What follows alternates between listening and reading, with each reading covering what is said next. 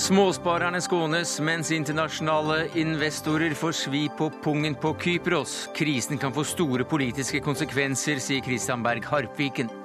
Staten må bruke hundrevis av millioner på veier som allerede er ferdigbygget.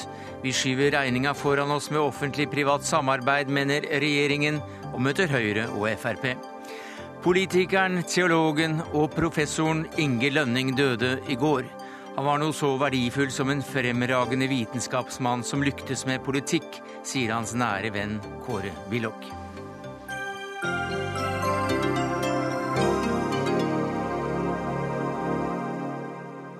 Ja, Det er noen av sakene i Dagsnytt 18 denne mandagen, der vi også tar for oss påskebiologien i et kulturhistorisk lys, og får siste nytt om en tysk ubåt fra den varme krigen og en god del andre fra den kalde.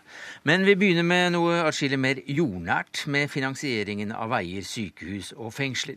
For i dag sier regjeringen ved samferdselsministeren at eh, dette samarbeidet mellom offentlige og private aktører, som har framstått som en mirakelkur for å få i gang store prosjekter fort, ja, det kan lett bli en klamp om foten. Regjeringen mener at vi skyver regninga foran oss når vi bygger vei ved hjelp av såkalt OPS. Og Håkon Haugli, du er stortingsrepresentant for Arbeiderpartiet. Du får representere regjeringen så å si her i, i påskeuka. Hva er, hva er mest problematisk med denne måten å finansiere veier på ved hjelp av offentlig-privat samarbeid? Ja, OPS det er eh, som å betale veier, eh, sykehus eh, og andre ting på kreditt, altså med kredittkort. For det første så bygger man opp skjult gjeld, altså man skyver kostnadene foran seg. For det andre får man dårligere kontroll på kostnadene framover. Og det er grunn til å tro at også totalkostnaden blir større, fordi det er dyrere for en privat aktør å låne penger enn det vil være for det offentlige. Eh, I tillegg så er det grunn til å tro at de som tilbyr OPS-tjenester, ønsker å ta et eh, overskudd. Slik at her er det kostnader som ikke umiddelbart syns. Så i sum så blir dette både dyrere og dårligere enn om det offentlige sjøl eh, tar investeringene. Dyrere og dårligere, Øyvind Halleraker, du er medlem av transport- og kommunikasjonskomiteen for Høyre. Ja, nå er det jo slik at eh, vår egen eh, forskningsinstitusjon, TØI, har anbefalt at vi går videre med dette. Vi har jo realisert tre slike prosjekter i Norge i dag med stor suksess. Våre to fagetater, Statens vegvesen og Jernbaneverket, ber om å få bruke dette. Og Grunnen til at de gjør det, det er at de ser at de får startet prosjektene mye før. Dyrere og dårligere? Nei, absolutt ikke. Eh, de går, bygges på halve tiden. Eh, risikoen overlates til de som bygger ut. Staten har overhodet ingen risiko for eh, overskridelse. Man får inn betydelig med innovasjon i prosjektene fordi at de må se investering og vedlikehold i sammenheng. Og det er altså slik at Om man betaler ned en ting på 25 år, som vi gjør altså på de fleste områder i samfunnet ellers, så lånefinansierer langsiktige kapitalinvesteringer. Tenk bare på husholdningene, tenk på næringslivet, tenk på Statnett, tenk på Statoil for den saks skyld. Man lånefinansierer fordi man har en alternativ avkastning på de pengene som er mer likvide. Billigere, billigere raskere og bedre, Håkon Haugli?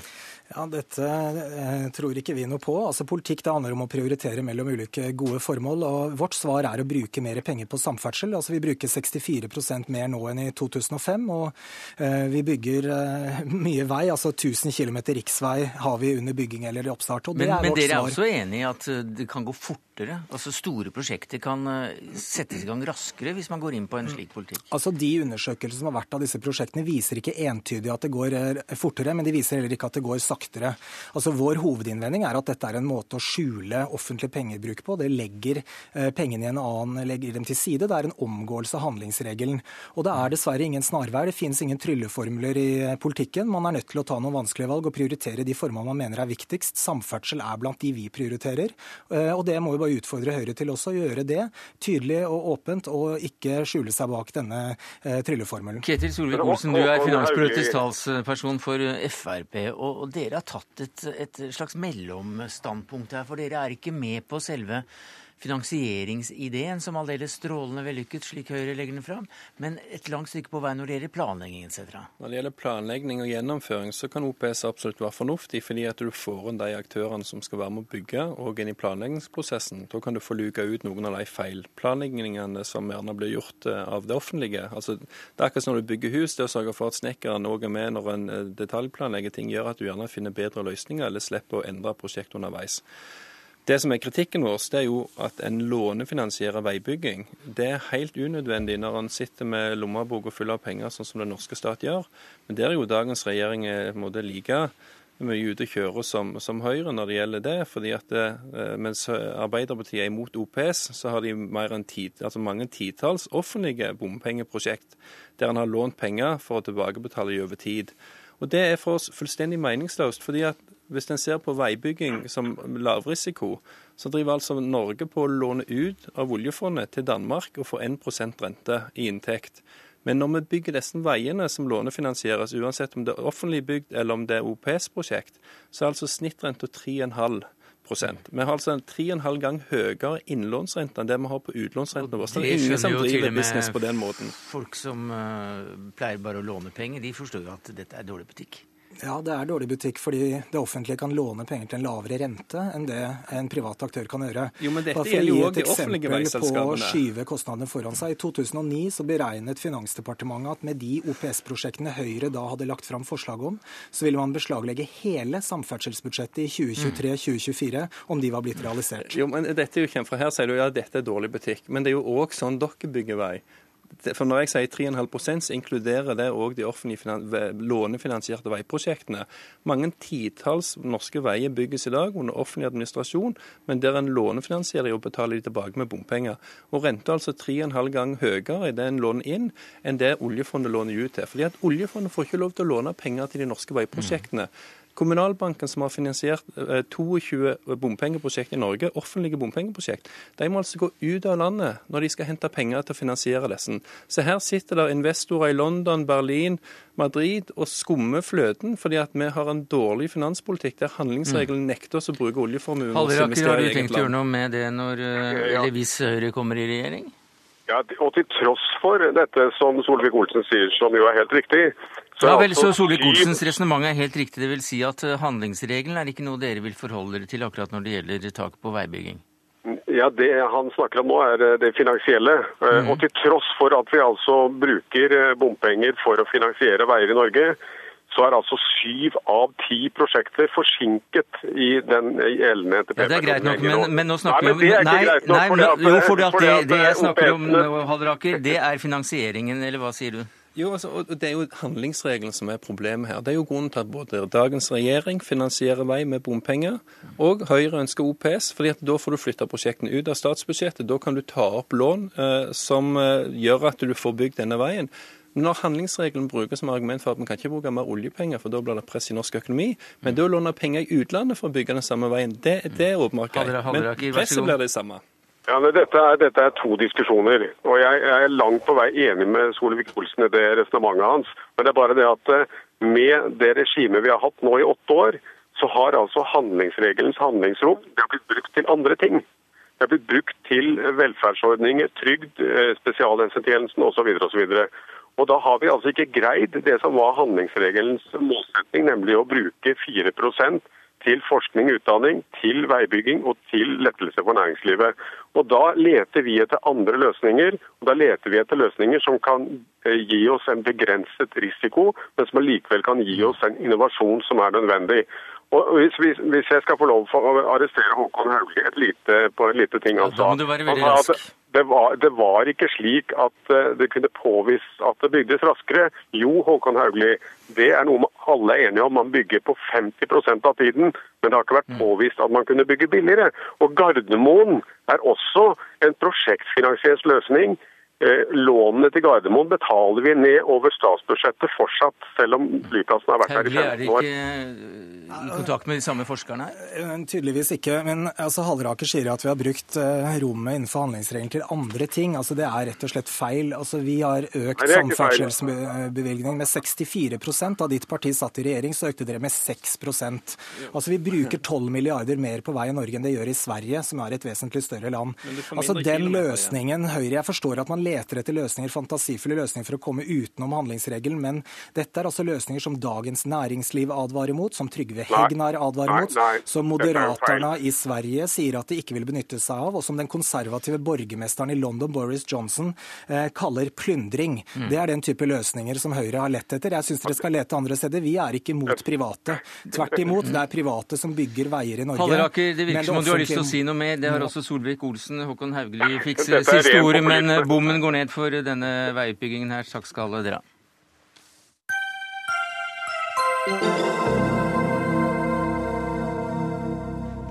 For vi skal til eh, Kypros. Eurolandene godkjente som kjent i natt en redningspakke til eh, Kypros, som jo hadde et visst behov for å låne penger til en eh, gunstig pris. Seniorøkonom i DNB Markets Kjersti Haugland, hva innebærer denne redningspakken? Den innebærer at eh, Kypros sin nest største bank, Laika, den blir eh, lagt ned. Eh, og de dårlige eiendelene de går nå tapt for eh, innskudd, innskyterne med, med, innskudd over 100 000 euro. De taper pengene sine. Så alle som har mer enn 100 000 euro, de mister pengene? Ja, iallfall de som har hatt eh, pengene i den nest største banken. Ja. Og så blir de gode, eiendeler, eh, gode eiendelene i denne banken ført over til den største banken på Kypros, Bank of Cyprus. Eh, og det er bl.a. de innskuddene som er på under 100 000. Men de i Bank of Cyprus som har over 100 000 euro stående der, de går òg på tap. Og antageligvis er det snakk om 20-40% tap på disse innskuddene. Ja, akkurat. Så de mister ikke alle pengene sine? Ikke de i Bank of eh, Cyprus. Men den andre banken, den nest største, der mister de som har over 100 000 euro, de mister alle pengene Mest sine? Mest sannsynlig. Ja, hvordan tar eh, markedene imot en, eh, en slik måte å gå fram på? Ja, dette her er sånn som kan skje når banker går over ende. Og markedene er, virker å være lett vente for at Kypros nå har kommet til en løsning. Eh, og her måtte det jo gjøres noe, og dette alternativet ser, står eh, nokså mer eh, bærekraftig over tid enn å innføre denne engangsskatten, som en da vurderte for ei uke siden. Ja, for da var du her, og, og da snakket vi om dette, og det var rett før nasjonalforsamlingen skulle behandle det. Og så øh, sa man også nei der i nasjonalforsamlingen, og så kom man opp med dette mm. isteden som et alternativ. Ja, og det store forskjellen her er jo at de som har innskudd på under 100 000 euro, som da er dekka av eh, innskuddsgarantien til EU, de nå, eh, får nå ingen tap. Og dette med at banken altså blir lagt ned, den nest største banken på Kypros, blir lagt ned eh, og nærmest fusjonert inn, altså de gode eiendelene ført over til en annen bank, som igjen skal òg eh, kuttes kraftig ned på. Altså her skal banksektoren på Kypros gå ned fra sju-åtte ganger BNP og ned til et mer EU-gjennomsnitt som ligger på litt over eh, litt mellom fire og fem ganger verdiskapningen. Hva ønsker man å oppnå med akkurat dette? En ønsker å få for det første eh, finansene på kjøl igjen og få bankene opp å stå, og sånn at de kan fungere sånn som et banksystem skal fungere. For her var det jo bankene som var opphavet til Kypros sitt problem i utgangspunktet.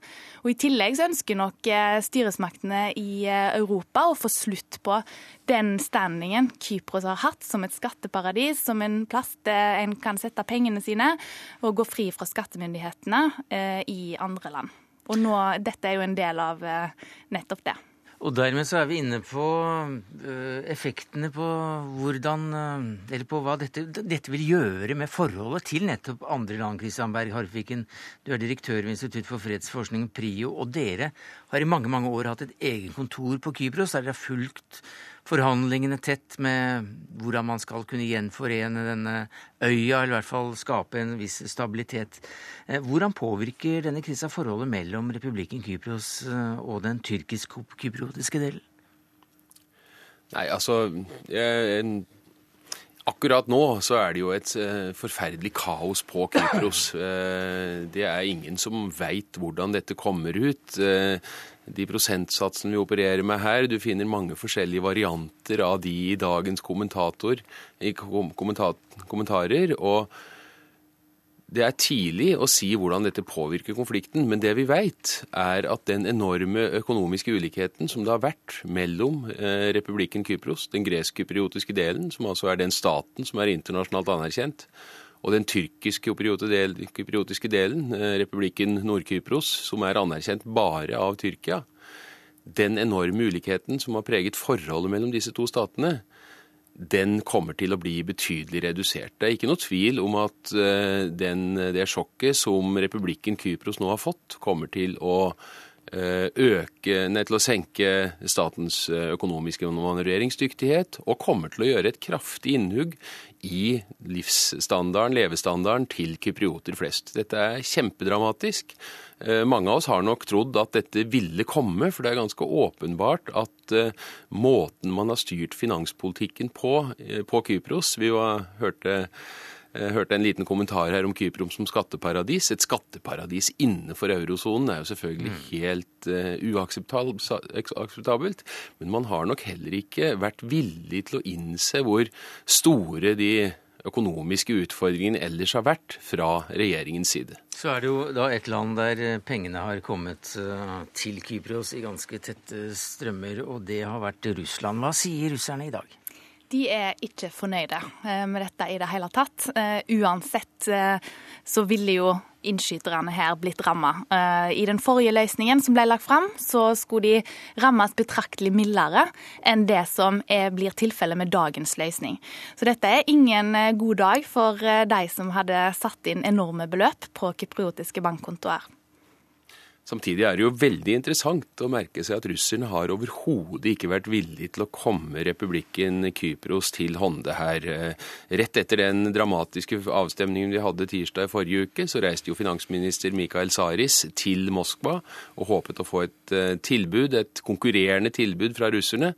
Det var dessverre avslag på Eh, på blankt papir. Saris reiste hjem med uforandret sak, og det vi ser er at russerne av flere grunner, kanskje aller viktigst det at de akkurat nå ikke ønsker, på tross av sin irritasjon over måten EU har håndtert dette på, å utfordre forholdet til EU, men også den enorme irritasjonen som handler om at Tysk-Kypros nettopp har tillatt uh, russiske eh, russiske entreprenører, og noen av disse entreprenørene sitter ganske godt festa i statsapparatet og bruker Kypros til å hvitvaste penger, og samtidig som Kypros da har unnlatt å innrapportere eh, på tross av alle krav som Russland har stilt om å få en liste over disse folkene. Men, eh, men, eh, dette er vel dårlig nytt for Kypros, for de tjente jo tross alt ganske mye penger på å være et eh, skatteparadis også. Samtidig kommer det flere dårlige nyheter for, for denne delen av Kypros. Ja, det, det, gjør det. Og de andre dårlige nyhetene har jo for så vidt nå blitt eh, borte i ståheien rundt eh, finanskrisa. Men en ting som har, det som har kanskje vært det største diskusjonstemaet på Kypros de siste par årene når det gjelder økonomi, har jo vært oppdagelsen av olje og gass, særlig gass, på kontinentalsokkelen. Man har nå lagt ut en del blokker. Man har ikke snakka sammen eh, på tvers av skillelinjene i Kypros om dette her, og dette har gått så langt at eh, Tyrkia har sagt at eh, de holder alle muligheter åpne. Det betyr jo at militærmakt også er én mulighet. Men det som har skjedd de siste to ukene, er for det første at Egypt, som kypriotene trodde at de hadde en fastlagt delelinje med, har sagt opp avtalen. og Det betyr at Kypros kan ikke umiddelbart begynne utvinning, for uten en enighet om delelinja så er man forhindret internasjonalt fra å starte utvinning. Det andre som har skjedd, som nok er enda mer dramatisk for republikken Kypros, det er at når Obama nylig var på besøk i Israel, så klarte han å få Netanyahu til å utstede en unnskyldning for eh, for eh, det tidligere angrepet på dette tyrkiskledede humanitære skipet til Gaza. Mm -hmm. Og den unnskyldningen betyr at nå er Israel og Tyrkia på talefot igjen. Republikken Kypros har satset på vennskapet med Israel, ikke minst for å forsøke å samarbeide med Israel om en, LNG-fasilitet for å behandle gassen og få den utskipet. Nå sitter de igjen bare med én mulighet, og det er å skipe denne gassen i rørledning. Den rørledningen vil mest sannsynlig måtte gå til Tyrkia, og det skaper en helt ny regional dynamikk. Kristian Berg Harpviken, eh, direktør ved Prio, Kjersti Haugland, seniorøkonom i DNB Markets. Takk skal dere ha for at dere har snakket om kjærlighetens øy Kypros.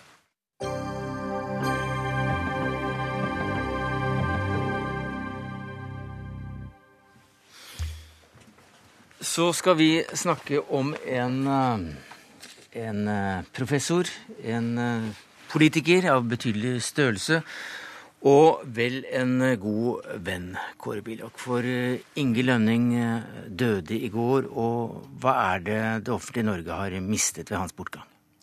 Han var en usedvanlig verdifull kombinasjon av fremragende vitenskapsmann, ideolog med vekt på konservative verdier, enkeltmenneskets rettigheter og sosiale spørsmål, og samtidig en praktisk politiker. Jeg vil jo fremheve særlig så forskjellige innsatser som viktige bidrag til grunnlaget for helse- og omsorgspolitikken ved utredninger om prioriteringer og metoder. Og på den annen side spørsmål som utforming av grunnlover, beskyttelse av rettigheter osv. Han var også viktig i skolepolitikk i svært mange områder. Han er blitt kalt Høyres etiske megler. Det er et veldig godt uttrykk, for han la svært stor vekt på etikk og rettstenkning, men da som ledd i en tankegang for å beskytte enkeltmenneskets rettigheter og sosiale forhold. Historiker Halvard Notaker, du har skrevet bok om Høyres historie, og du hadde eh, tett kontakt med Lønning under denne skriveprosessen. Hva betydde Inge Lønning for utformingen av Høyres ideologi? Han tilhørte jo en krets som uh, Willoch selvfølgelig kjenner fra hele sitt politiske virke, uh, som oppsto rundt tidsskriftet Minerva i 1950-årene, hvor Lønning bl.a. en periode var redaksjonssekretær. Og det var en gruppe med mange andre kjente navn, Lars Roar Langslett, Francis Sejersted f.eks., som uh, helt fra Som gikk på en måte helt til grunnen av hvordan man skal tenke om politikk, og tok utgangspunkt i filosofi og etikk og religion, og bygde en slags stein på stein helt opp til de da hadde et slags fundament å formulere politikk ut fra. Og han var del av den prosessen, og var vel også da en bærer av det gjennom hele den tiden han var politiker. Og da er vi også tilbake til det som Willoch sier om å kombinere ganske avanserte intellektuelle prestasjoner med politikkens mer pragmatiske nærkamper. Ja, nærkamper, politiske nærkamper. Det var jo en, var jo en, en politiker som, som kunne formulere seg veldig, veldig godt og skarpt i, i, debatter. Og slik vil mange av Dagsnytt 18 eh, huske ham, så virkelig som en skarp debattant, eller hva sier du? Jo, altså man kan jo si at han var en skarp debattant, og kunne også være ironisk. Men eh, jeg vil gjerne legge til at han hadde alltid stor respekt for dem han eh, diskuterte med. Så det var ingen grunn til å frykte ham som motstander. Man skulle respektere ham som motstander fordi han respekterte dem. Men ellers er det veldig interessant det Notaker nevner, for det er helt riktig det at eh, for så lenge siden som da bl.a. jeg kom inn i politikken, så hadde Høyre et sånt intellektuelt yngre miljø. Og det er veldig hyggelig å kunne si at det har vi om igjen nå. Og Per Inge Lønning var jo typisk av dem som kunne inspirere unge mennesker til grundig gjennomtenkning og til å gi et lengre perspektiv på politikken. Det er ikke spørsmål bare hvorledes en politikk virker i morgen, men hvordan virker den om 10 og 20 år. Så sent som for halvannen uke siden så var han her i, i Dagsnytt 18 eh, da professor Eivind Smith eh, kritiserte forslagene til grunnlovsendring. Han kritiserte dem for å være for vage, og, og Lønning ledet jo arbeidet med disse endringene. Eh, hvordan eh, var han som menneskerettighetsforkjemper? Det var det han ville ha inn i Grunnloven. Det er ikke noe jeg er spesialist på, det er etter den boka jeg har skrevet. Men det man kanskje kan si på et mer allment plan, er at han da ikke sant, Vi snakker om at han er en tenker som kan tenke store tanker om politikk og også gjøre konkrete ting. Men han har også en evne da til å formulere seg på en måte som forener disse prinsippene med noe alle kan godta. Altså en balanse mellom det pragmatiske og det prinsipielle. Og det gjelder jo både menneskerettighetspolitikk og politikk om abort og genforskning og bioteknologi, som kom opp i 80-årene da han var det er da dette uttrykket 'den etiske megleren' eh, kom opp i Aftenposten. Så eh, det syns jeg er et spennende trekk ved Lønning. Balansen mellom pragmatikk og ideologi. Ja, Det siste leserinnlegget han skrev, skal ha dreid seg om nettopp abortsaken. Ja, det sto på trykk i dag, så vidt jeg så utenfor her. Eh, og det handlet da om, helt inn i lovteksten, om hans argumenter for da til støtte for det som Høyre later til å ville programfeste om abortloven. Hvordan han da mente at det understreker det man ønsket å gjøre i 70-årene. Hvor han da igjen var Han var vel på en måte den som skulle redde dere fra øh, kollapse helt i den saken? Kan man si det så, ja, så sterkt? Jeg skal få si det. Risikoen for kollaps har jo ikke vært til stede, tror jeg. Men han eh, har jo helt rett i at eh, abortloven etter svært mange skjønn, inklusive mitt skjønn, blir heller bedre formulert ved at man sløyfer den delen av en paragraf som notaker mm. nevner her. Ellers er det jo den debatten mellom så fremragende intellektuelle som Eivind Smith og Inge Lønning om utforming av grunnlov, akkurat den type debatt vi bør ha. Lønning var jo veldig sterk på behovet for bedre beskyttelse av enkeltmenneskers rettigheter og menneskerettigheter generelt, og vil gjerne ha det inn i Grunnloven. Og så kommer en fremragende jurist som Eivind Smith inn og peker på man må jo studere formuleringene, om det gir den virkning man ønsker. Men dette er altså som sagt et eksempel på hvor verdifullt det er at slike intellektuelle går inn i praktisk politikk. Ja, For han var jo også vitenskapsmann? Ja, han var jo Norges fremste kjenner av Martin Luther. Ja, om jeg skal få si det, jeg syns det var interessant og positivt. Og nettopp eh, han da valgte Høyre som, som plattform for sin ideologi, ideologiske fremstøt. Hvordan var han som en eh, samtalepartner når dere ikke diskuterte politikk? Ja, nær sagt, vi diskuterte som regel politikk. Men han var en veldig, veldig, veldig verdifull samtalepartner. Veldig interessant å få snakke med han om virkelig interessante problemer. Han kunne jo så kolossalt meget. Og så var han altså voldsomt arbeidsom, så han var egentlig alltid a jour. Men han uh, hadde jo også sine tunge stunder, og, og, han la jo aldri vekt på at uh, han hadde depresjoner. Uh, på en tid da det ikke var så vanlig. Ja, det syns jeg også er viktig, at man ikke holder sånne ting hemmelig eller skjult. Det er klart det er mye lettere for andre som har depresjoner, eller risikerer å få det, om de vet at dette er noe som kan inntreffe, og det er noe som kan helbredes, det er noe man kan komme over. Inge Lønning er slett ikke den eneste fremtredende politiker som har hatt slike problemer. Det er ganske hardt harde påkjenninger av og til. Men han kom godt over det, og jeg syns det at man vet at han hadde dette, og kom godt over det og ble en fremragende viktig medarbeider, det er verdifullt å vite. Han ville inn på Stortinget igjen. Ehm, ble vaket for fire år siden av nominasjonskomiteen. Hvordan var dette arbeidet?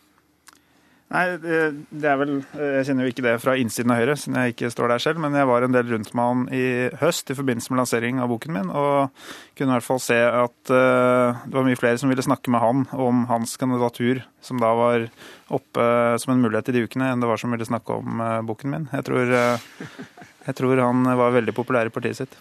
Ja da, men jeg syns ikke man kan kritisere yngre mennesker for at de mener at i møte med de problemer som Norge står overfor i neste periode, så er kanskje noen andre enda bedre akkurat på de saksområdene. Jeg våger å hevde, selv om jeg er også oppe i årene, at den listen Høyre har satt sammen i Oslo, er den beste for å møte akkurat de problemene som man må regne med i neste periode. Hvordan tror du at eh, de som sto han eh, nært, ikke bare politisk, eh, nå vil huske ham? De vil huske ham som en fremragende kombinasjon av vitenskapelig innsikt, intellektuell interesse, man kan si ideologi, interesse for ideer, for menneskeverd, for beskyttelse av enkeltmenneskets rettigheter, og en interessant, positiv samtalepartner, levende interessert i sine medmennesker. Og Hvis noen tror at den ironien var det typiske, så er det helt feil. -hmm. For det var interesse og engasjement i medmennesker som var hans eh, viktigste egenskap. Takk skal du ha, Kåre Willoch. Takk til deg, Halvard Notaker.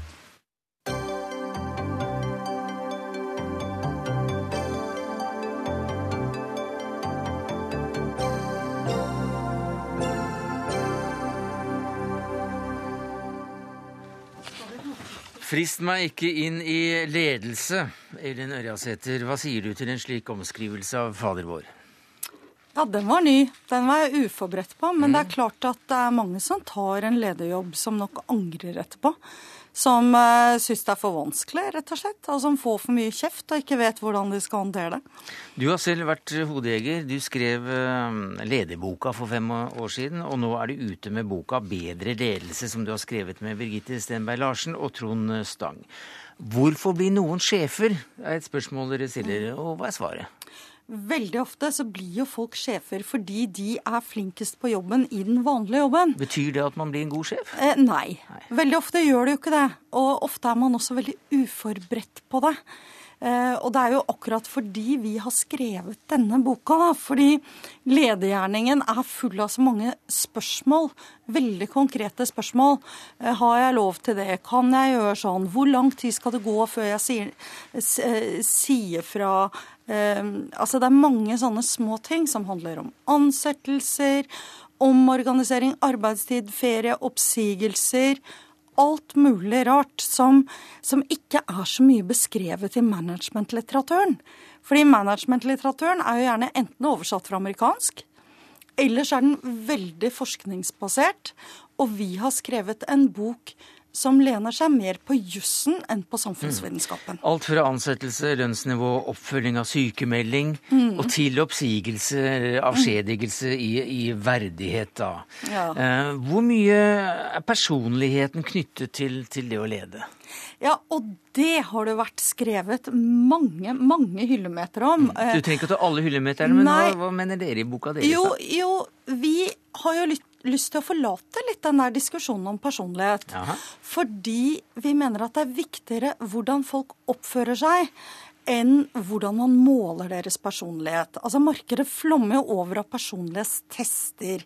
Og vi skal være introverte eller ekstroverte, og forskerne måler om vi skal være 0,3 eller 0,4, om korrelasjonen er sånn eller sånn, på personlige egenskaper. Jeg har lyst til å forlate det litt, og så gi lederen en håndbok på hvordan hva de har lov å gjøre, og hvordan de skal oppføre seg, istedenfor all denne opptattheten av vår personlighet. Og jeg tror også mange samfunnsforskere er litt enig i det, fordi at vi selger jo vår arbeidstid. Vi skal faktisk ikke selge vår personlighet til arbeidsgiver. Jan Ketil Arnulf, du er førsteamanuensis ved Handelshøyskolen BI. og Du er interessert i ledelse, men har en litt annen tilnærming. Blant annet er du opptatt av selve begrepet. Når, når kom det inn? Altså jeg mener at ledelse er et helt nytt ord. Altså ja. Ledelse er kanskje ikke mer enn 60, i hvert fall ikke mer enn 150 år gammelt. Før så snakka ikke folk om ledelse. Du finner ikke noe om ledelse hos Shakespeare, ikke noe om ledelse hos Ibsen. Et sitat. Ibsen sier at det er Agnes som sier til Brand at jeg tvinges kan jeg ikke, jeg kan bare ledes. Men altså, det, utover det så skriver ikke det er ingen som er interessert om ledelse. Ledelse er et ord som er funnet opp med aksjeselskapet. 1842, pang. Før det var ingen som snakka om ledelse. Hva snakket de om da? Man ble jo ledet og forledet den gangen. Nei, man ble egentlig ikke det. Altså, ingen som snakka om det. Du, folk var utsatt for autoritetsfigurer som var ferdig fastsatt. ikke sant? Du kunne, du, folk fantes ikke-transportable autoritetstitler. Hva, betyr, hva betyr det? Ja, Du kan være oberst i Forsvaret, men så må du være da losoldermann i loslauget. Eller så kan du være snekkermester. Du kan ikke liksom gå fra å være veldig gode lederegenskaper i snekkerlauget til å bli en glimrende oberst fordi du har lederegenskaper. Så det, det var ikke før i 20. århundre at man kunne transportere ledertitler. Så i dag kan man velge, ta, NRK kan velge en person med interessant ledererfaring fra et annet sted, f.eks. Ja, det skjer jo. jeg har fått beskjed om å ikke snakke om NRK, da, for jeg har så mange glitrende eksempel på dårlig mm. ledelse fra dette huset. Men fint, fint, det skal vi la ligge men, nå. Eh, men da kan jeg heller spørre deg, Elin Ørjasæter. Går det an å, å skoleres i å bli en god leder? Lære å bli en god leder? Det går eksempel ved å lese en bok? Ja, det går an å trene seg. Og det går an å få noen svar som gjør at man trener på en bedre måte. Og det går definitivt an å få gode svar på hva gjør du hvis du er nødt til å rettesette en medarbeider? Eh, hva gjør du hvis du er nødt til å si opp noen? Er det f.eks. lurt å bruke firmaer når du skal ansette noen? Skal du bruke headhuntere? Alt det gir vi, tror jeg, ganske gode svar på. Hva sier du, Så, er, det, er, det, lett å, å lære en, god, en, leder å bli en god leder? Altså det, det, har jo vært diskutert mange altså jeg, jeg, mener at ordet ledelse har dukka opp fordi at Handelshøyskolen i 150 år har slitt med å lære folk å være ledere. Altså Problemet er at det er veldig vanskelig å lære. Sånn at uh, Uh, og jeg er helt enig med Elin at det, det, er et helt opplagt at det bør demystifiseres. at man, Det er grunnleggende ting man må kunne. Det er veldig mange som blir ledere i dag uten å kunne et kvidder om det. For at folk tror på noe sånn abstrakt som heter lederegenskaper. Mm. Det er sånn spøkelse. Det fins ikke. Det fins ikke? Ja, altså, du får ikke blod av en trebukk. sånn at det finnes selvfølgelig folk som er utalenterte. Men det er, det, tenk, på, tenk, på, musikalitet. Det er ingen som ville finnes, tenker at Musikalitet er veldig nedarvet. ikke sant? Eller det er veldig sånn personlig talent si, forankret. Men det er ingen som ville forvente at du blir toppmusiker uten å øve. Eller uten å lære noe. Mm. Altså, hvem er som blir det? Ja, og der, der så, mm. så, så, man blir det. Men, men, men, poenget med å lære ledelse er likevel Vi vet at uh, du får jobben pga. CV-en, og så mister du den pga. personligheten. Og det er det er dessverre et sett med sånne dynamiske ferdigheter. Vi prøver å finne ut av hva det er. Det er veldig interessant. Men det finnes sånne dynamiske ferdigheter som er vanskelig å lære på skolen. Men det som vi er opptatt av, er at du må faktisk holde deg til reglene. Og du må jobbe innenfor et regelsett. Og vi snakker om norsk arbeidsrett i et norsk arbeidsliv. Og vi har masse, masse historier fra nettopp det norske arbeidslivet, og det er sanne historier. Og det tror jeg gjør det lettere for folk å lære, og det gjør dem også tryggere i forhold til de helt konkrete tingene. Hva er det å motivere? Altså, Det vi ser, er at det viktigste er å ikke demotivere. Fordi de flinke folk er selvmotivert. Men, men, det er vel også slik i dag at, eh, at, ledelse det er å oppnå resultater gjennom medarbeidere? Mm. Ja. Det er, det er jo en tautologisk greie. Det var noe Kenning kom med på 50-tallet. Si hvis ledelse er å nå resultater gjennom andre, så veit du ikke om noen ting er ledelse før resultatene er nådd. Og det gjør at det blir veldig mystisk. da. Du, du, hvis, hvis, du når resultatene, så var det ledelse. Hvis du ikke nådde resultatene, så var det ikke ledelse.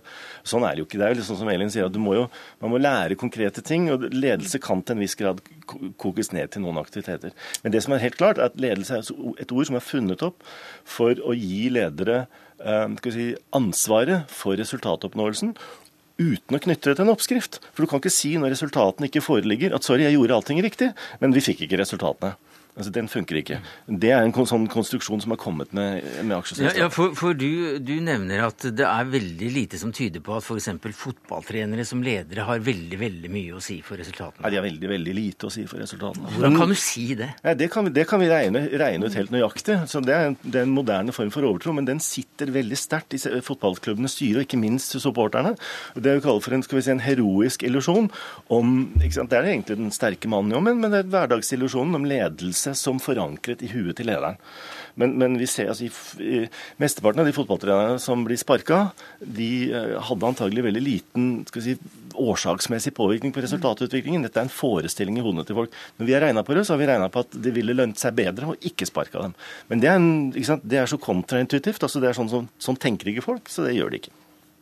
Det høres helt uh, vilt ut for meg. Nei, jeg syns ikke det han sier er vilt. Nei. jeg tror det er helt riktig, og det Arnulf driver med, er jo forskning på dette. Det eh, vi driver med, det er jo å hjelpe disse stakkars lederne da, med noen helt konkrete råd på hvordan de skal håndtere denne hverdagen. Vi har også laget en nettside som heter bedreledelse.no, hvor vi kommer til å etter hvert oppdatere ting. Og der skal vi legge ut skjemaer for f.eks. en sånn enkel ting folk lurer på. Jeg skal ta referanser. Hva skal jeg spørre om? Det holder jo ikke å spørre eh, var han en ålreit fyr.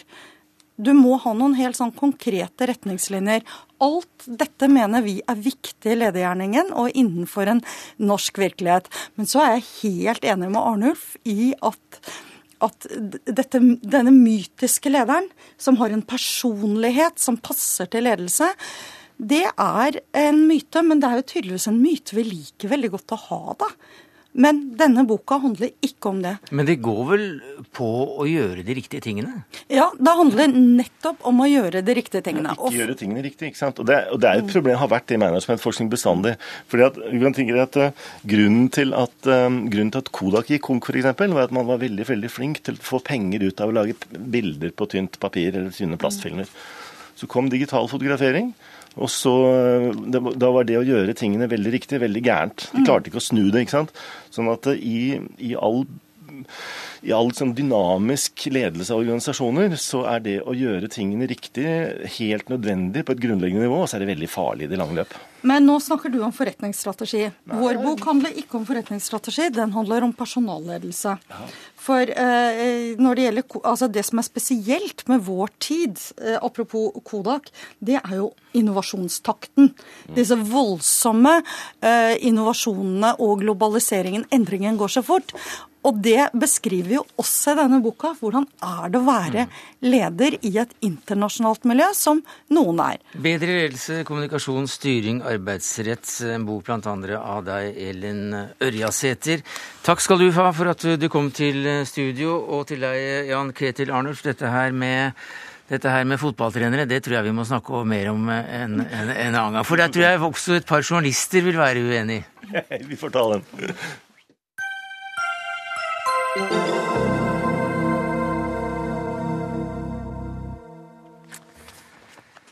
De som har eh, levd lenge nok, husker sikkert eh, perioden under den andre verdenskrig, eh, der vi, etter den andre verdenskrig, der vi fikk inntrykk av at norske fjorder ja, de var fulle av fiendtlige ubåter, som i Sognefjorden november 1972. Reporter er Per Jarle Hellevik. Forsvarssjef Seinar Gundersen sier til Dagsnytt at de observasjoner folk ved Sognefjorden har gjort, tyder på at det er en ubåt i fjorden. Men dersom ubåten blir funnet og etter varsel fremdeles nekter å gå opp, vil det da bli gjort forsøk på å senke den. Vi har en bestemt fremgangsmåte, og hvis da ubåten ikke går opp, så må man anta at den ikke har særlig hyggelige hensikter. Husker du dette, Roald Hilsen? Ja, det husker jeg veldig godt. ja. Hva var det som skjedde der? Ja, det, det, var jo at i november 1972 så ble det da igangsatt en stor søkeoperasjon i Sognefjorden etter at det hadde blitt rapportert om en ubåt ved Vangsnes i den 12. november det året. Ja, den var stor, den operasjonen. Det var mange skip, helikoptre. Det er den største som ble gjennomført i Norge under den kalde krigen. Ja. Men da basert på langt fra den eneste observasjonen av mulige ubåter. For på denne tida så fikk vi inntrykk av at det var ubåter nesten overalt. Det var vel kanskje en litt uh, overdrivelse å si, da. Men, vi, Men det var mange, mange observasjoner. Ja. Det, jeg tror kanskje at før vi går videre, at det kan være lurt å, å slå fast at det, ubåter vanligvis opererer i skjul, så de er ikke så lett å, få øye på. Til stede, men usynlig er kanskje en god måte å uttrykke det på. Og eh, I tillegg så kommer det at, har, at forholdene under vann i de norske fjordene er veldig komplekse, og de favoriserer i meget stor grad eh, ubåten. Sånn at en konsekvens av det er jo at et resultatløst søk er ikke da noe noe avgjørende bevis for at det ikke var noen ubåt i fjorden. Så det er ganske lett å gjemme seg i, i de dype norske fjordene? Det er det, i forhold til de deteksjonsmidlene som eh, var tilgjengelige. For eh, det er eh, ofte sånn som det var i Sognefjorden. Altså var det et ferskvannslag som overflatefartøyene befant seg i. Og, og ubåten, hvis den var der, den var da under det sjiktet, og da vil det ikke være mulig å få tak i den med de midlene de hadde til rådighet. Men Gjelsten, du er altså da eh, pensjonert kommandør, og du har eh, skrevet rapporten 'Fremmede ubåter i norske fjorder'. Eh, Forsvaret trodde også på en god del av disse observasjonene, tydeligvis? Ja, noen av de ble jo da klassifisert som sikre ubåter, men eh, det var jo et meget begrenset antall. I løpet av hele den kalde krigen så var det fire som fikk denne klassifiseringen. Hva eh, trodde man eventuelt at eh, ubåter fra fremmede makter ville her? Ja, det, Da må vi jo skille mellom eh, det som var de jeg mener var de som var her mest da, konvensjonelle sovjetiske ubåter. Mm de var her da trolig for å forberede på at russerne tenkte å bruke de norske fjordene som baseområde i, i tilfelle det ble krig. Eh, vi eh, gikk rundt og så periskoper noen og enhver på den eh, tiden. Men det var ikke helt uten grunn. For det var noe som het Whisky on the Rocks, som hadde dukket opp fra intet så å si ikke så lenge før. Ja, det ble jo en vekker for mange av også av skeptikerne, for det var også mange av de i, i Sjøforsvaret og i Forsvaret ellers. Whisky on the Rocks det var en whiskyklasse ubåt som gikk på grunn i oktober 1981 utenfor, eh, ved innløpet til den svenske marinens hovedbase ved Karlskrona. Ja. Så det var ugjendrivelig bevis på at en sovjetisk ubåt var der. Undertittelen på, på, denne rapporten 'Fremmede ubåter i norske fjorder' eh, har du, har du skrevet eh, selv her. 'Realitet eller myte'?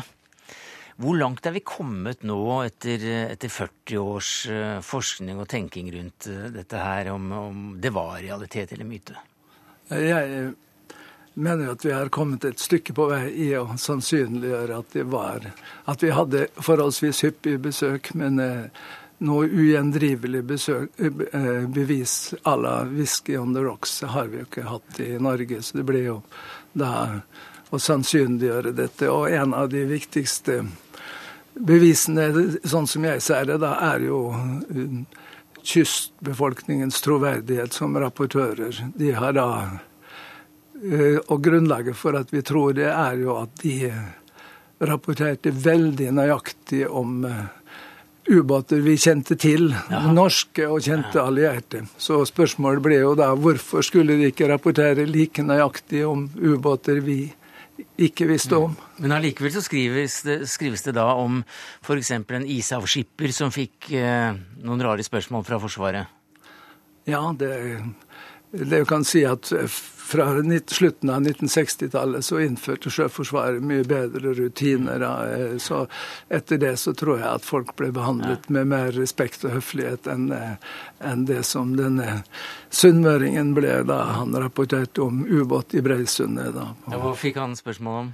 Han fikk jo spørsmål om det ikke var hval, og, og, for en som har seilt 30 år på sjøen, så, så, tror jeg ikke at det er så vanskelig for en sånn å se forskjell på en hval og en ubåt. Men det var også en, en, god del konspirasjonsteori rundt dette her også. Hva var, hva var de mest interessante?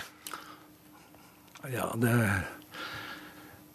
det er jo selvsagt at uh, det som har vært Da må vi kanskje heller til Sverige, da, for hvor det har vært mer fremtredende. hvor det var jo en synspunkt at det, det var eh, arrangert sånn at eh, de skulle øke forsvarsbudsjettet, da, såkalte budsjettubåter. Og at det var arrangert. Og at i Sverige så har det også da vært en diskusjon om hvorvidt det var russiske eller allierte Nato-ubåter som var de mest eh, aktive. Fra ukjente ubåter i den kalde krigen så skal vi eh, et øyeblikk her over til nylig oppdaget eh, en fra den varme krigen og fra 1940. For i dag så leser vi eh, i flere nettaviser om en tysk ubåt ganske rett ved den mye omtalte ubåten ved Feie i Hordaland som nå er funnet, og nå vet man også hva slags ubåt det er. Hans Christian Schjelstrup, du er kommandørkaptein, pensjonert fra Sjøforsvaret. Hva slags ubåt er det man uh, har funnet nå? Det er eh, en type 7C, som var en litt mindre utgave enn eh, den som du refererte til, 864. Og dette her var en av det som er betegnet som de tyske arbeidshestene. Det var de som da sto for majoriteten i senking av alliert tonnasje under annen verdenskrig. Nå har man altså funnet den for et par år siden, men det er først nå det er, eh, det er offentlig kjent hva slags type det var. Hva var omstendighetene rundt, eh, rundt eh, at den ble senket? Det er som ble sagt tidligere her, dette her var jo et innløps- og utløpssted for tyske undervannsbåter. Bergen var jo en del av den tyske forsvars, forsvarslinjen mot de allierte. Og eh, man hadde bunkeren i Bergen hvor man gjennomførte vedlikehold og reparasjon av disse båtene. Så de allierte hadde jo da gjennom eh, ultrameldingene klart å knekke mange av disse meldingene om tysk ut- og innløp fra Bergen, og de visste at de gikk ut med feie. Der ble de fulgt ut, og der møttes de også når de var på vei tilbake. Så der lå det engelske undervannsbåter stadig for å nettopp å se om de kunne klare å senke noen av disse ubåtene. Vet vi hvem det var som senket denne spesielle ubåten? Ja, det vet vi. Det er HMS eh, Tapir som eh, lå utenfor der 12.4.1945. U-486 som det er snakk om her, den var på vei inn fra tokt og var på vei mot Feiosen da den ble truffet av en torpedo ganske forenfor tårnet. Og eh, I toktsrapporten til Tapir så blir dette beskrevet som en spektakulær senking hvor man så en enorm vannsøyle, delvis brunfarvet, svartfarvet, som gikk til himmels. Og eh, hvor båten eh, kort tid etterpå bare var vekke fra havets overflate. Vet vi om det er eh, noen som kan ha overlevet en, en slik senking? Ikke den type senking. Alle de om bord omkom nok sikkert ganske umiddelbart. Hvor, hvor, mange er det snakk om? Ja, det rundt, den hadde en mannskap på rundt 50 mann, denne båten her. Men du var jo med å, å, finne den båten som det har vært så mye diskusjon om skal heves eller ikke heves pga. faren for, for lekkasje av kvikksølv. Ja, Det var jo en eh, helt annen historie. Grunnen til at vi var litt opptatt av denne U864, var at eh, vi fikk eh, en del henvendelser fra en tysk historiker som det gikk både til Forsvaret og til Forsvarsmuseet på begynnelsen av 2000-tallet om at denne båten kanskje kunne inneholde kvikksølv. Eh, grunnen til at vi visste om U-864 var at HMS eh, Venture, som senket denne båten i januar 1945, ble overtatt av den norske marinen eh, i 1946 og ble da gitt navnet KNM Utstein. Så historien om 864 var velkjent, men det var en kollega av meg som da foreslo at det kanskje burde vi Sjøforsvaret se om vi kunne lokalisere denne båten, fordi denne historikeren fra Tyskland kom med opplysninger om at den kanskje kunne inneholde eh, både kvikksølv og uranoksid. Hva, hva, mener man om kvikksølvinnholdet i, i, dette nye funnet? Eh, det er ikke eh, sammenlignbart i det hele tatt. Altså, grunnen til at vi var interessert i 864, var at den inngikk som en del av transportubåtene som Tyskland og Japan sendte seg imellom for å utveksle krigs, krigsgods. Og U-864 er ikke den eneste. Det er flere ubåter som man vet om, som da fraktet kvikksølv til, eh, til Japan. Eh, en som da kom vellykket tilbake, var U-861, som kom tilbake til Trondheim i marsdagene 1945. Eh, sjefen Røsing hadde da reist av gårde i tidlig i 1944 og kom tilbake til Norge i 1945. Og U-486 det var en ren krigsmaskin som eh, mm. bare var for å senke eh, alliert tonnasje. Den eh, hadde ikke noe av kvikksølv eller annen slags last om bord. Eh, hvor langt unna ligger disse to ubåtene hverandre? Altså, eh, Hvis du går inn i toktsrapporten til eh, Venture og til Tapir, så ligger de ikke så veldig langt unna hverandre. Det, det var jo også en av grunnene til at da vi fant 864, så ble befolkningen på Feie De hadde jo da ment at de hadde sett denne ubåten, altså 864, allerede for lenge siden. Mm. Men eh, de refererte jo til en ubåt som gikk oppdykket, mens 864 eh, den var altså da neddykket da den ble senket. Takk skal du ha, Hans Christian Skjelstrup, kommandørkaptein og pensjonert nå da fra Sjøforsvaret. Roald Gjelsten, eh, kort til slutt her. Hva slags kilder er det du, du bygger på når du finner slike historier fra den kalde krigen. Er, er de åpne og lett tilgjengelige for oss? De er jo ikke åpne og lett tilgjengelige, men jeg har jo da fått frigitt en rekke høytgraderte dokumenter i tilknytning til de episodene som jeg har undersøkt. da. Mer om dette altså i Fremmede ubåter i norske fjorder, realitet eller myte. Takk skal du ha. Hør Dagsnytt 18 når du vil, på nettradio eller som podkast nrk.no – dagsnytt 18.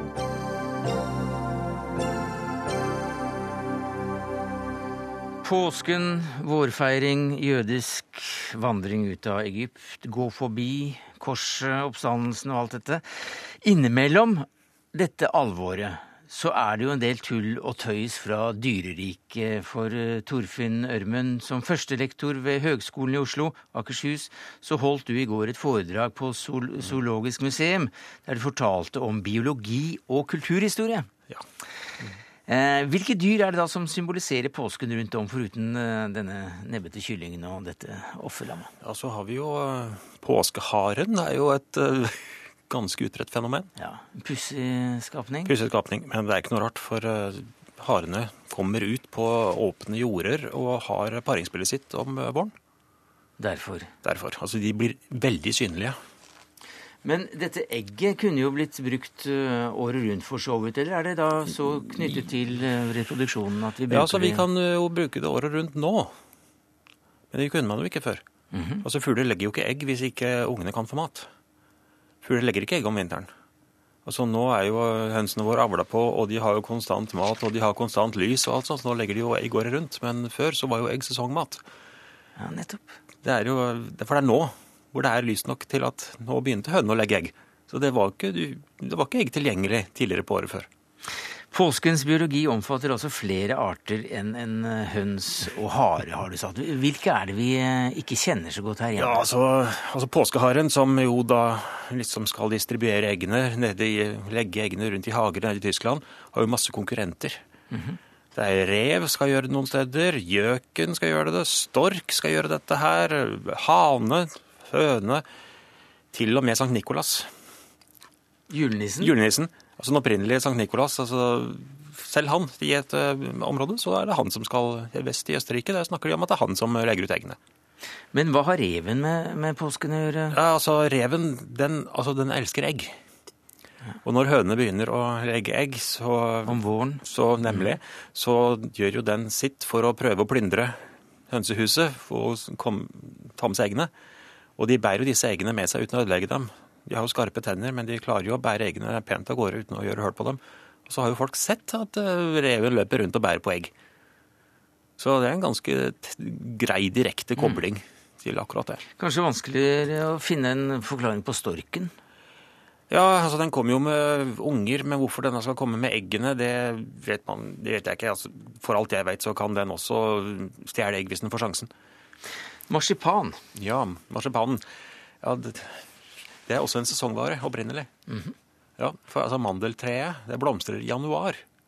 Altså Dette er jo ikke et tre som trives oppe hos oss. altså Det er jo nede rundt Middelhavet. Og det blomstrer ja, helt, helt, på nyåret. Og nå, påsketid, nå er frukten ferdig. Mm -hmm. Så nå får vi tak, nå er maten den er tilgjengelig. Altså Selve navnet marsipan betyr jo marsbrød. Marsipan og ja, nettopp. Ja, nemlig. Ja. Dette er sesongmat. Det er derfor, eh, altså Egg og marsipan er sesongmat. Det er sånn nå på året. Og haren er et, eh, et, vårfenomen? Den er også et vårfenomen. Og har, harer og kaniner har vært brukt som en vårsymbol i mange kulturer. Ja. Så før de ble kobla på dette her med eggene. Men eh, påsken som, som hedensk, hedensk skikk, er det noe av dette som føres helt tilbake til den tiden? Ja, altså harene osv. Er, jo, er jo hedensk. Mm -hmm. Det hører jo mer, mer til det. Altså, det har jo ingenting med kristendom å gjøre overhodet.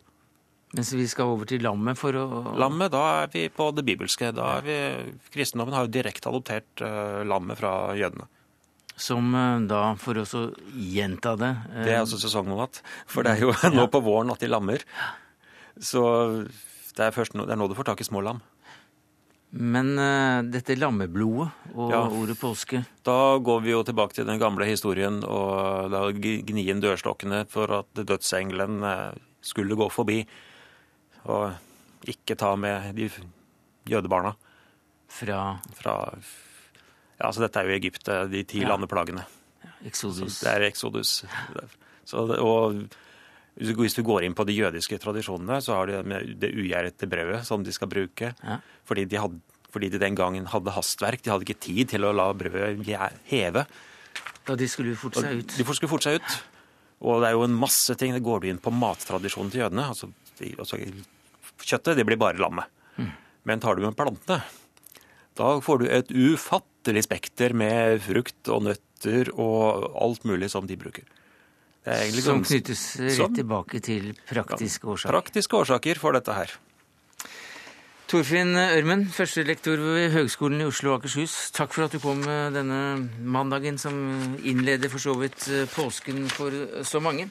Det var det vi rakk i Dagsnytt 18 eh, i dag. Takket være ansvarlig for det hele, Siri Storstein Hytten. Det tekniske ansvaret hadde Lisbeth Sellereite. Jeg heter Sverre Tom Radøy.